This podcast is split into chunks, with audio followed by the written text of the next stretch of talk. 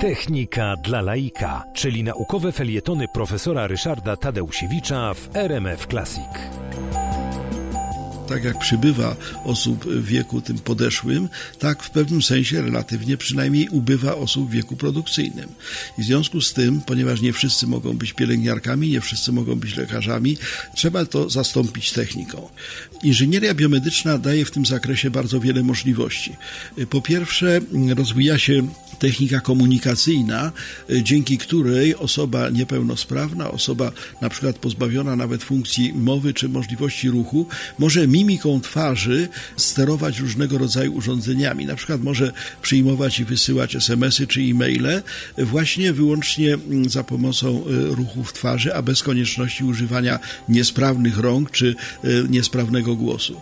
Kolejna sprawa to roboty, które mogą e, wspomagać obsługę takiej osoby niepełnosprawnej, mogą podać przysłowiową szklankę wody, ale mogą także wykonywać mnóstwo innych prac. Tych robotów przybywa w tej chwili coraz więcej więcej. Mówi się o nich zresztą jako takiej kategorii robotów personalnych. No i wreszcie, co wydaje się na pierwszy rzut oka trochę paradoksalne, ale, ale co jak się okazuje funkcjonuje zupełnie dobrze. Mianowicie robot może być towarzyszem w rozumieniu czysto psychologicznym y, osoby, która jest samotna, niepełnosprawna, chora, y, po prostu stara.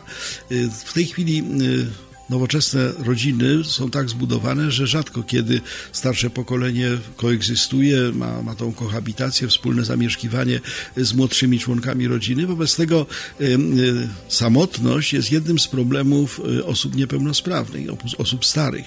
Y, buduje się wobec tego specjalne roboty, które by tym ludziom dostarczały no, czegoś to w rodzaju no, towarzystwa. Prawda? Nie jest to tylko rozrywka w rozumieniu płytkim, ale na przykład jest taki robot japoński, który przypomina taką foczkę. On się tam przymila, on mruczy, on, on prosi, żeby go pogłaskać, on się w jakiś sposób tam przytula do tego człowieka i okazuje się, że po pewnym takim no, przezwyciężeniu oporów ludzie akceptują ten, tą formę kontaktu z takim, no powiedziałbym, zastępczym towarzyszem zrobotyzowanym. Oczywiście można powiedzieć, że to samo może zaoferować osobie samotnej pies czy kot, tyle tylko, że pies i kot wymaga różnego rodzaju y, opieki, y, wymaga mm, karmienia, wymaga wyprowadzania i tak dalej. No, samotna i niepełnosprawna osoba nie zawsze może sobie pozwolić na zwierzątko w domu. To zwierzę zresztą też jest wtedy nieszczęśliwe. Natomiast robot, no cóż, wystarczy go podłączyć do kontaktu. A więc roboty będą nam usługiwały, będą nas nadzorowały i będą nam towarzyszyły. No a że na pewno jest to mniej przyjemne niż towarzystwo życzliwego i sympatycznego człowieka, to cóż, taki się zrobił świat.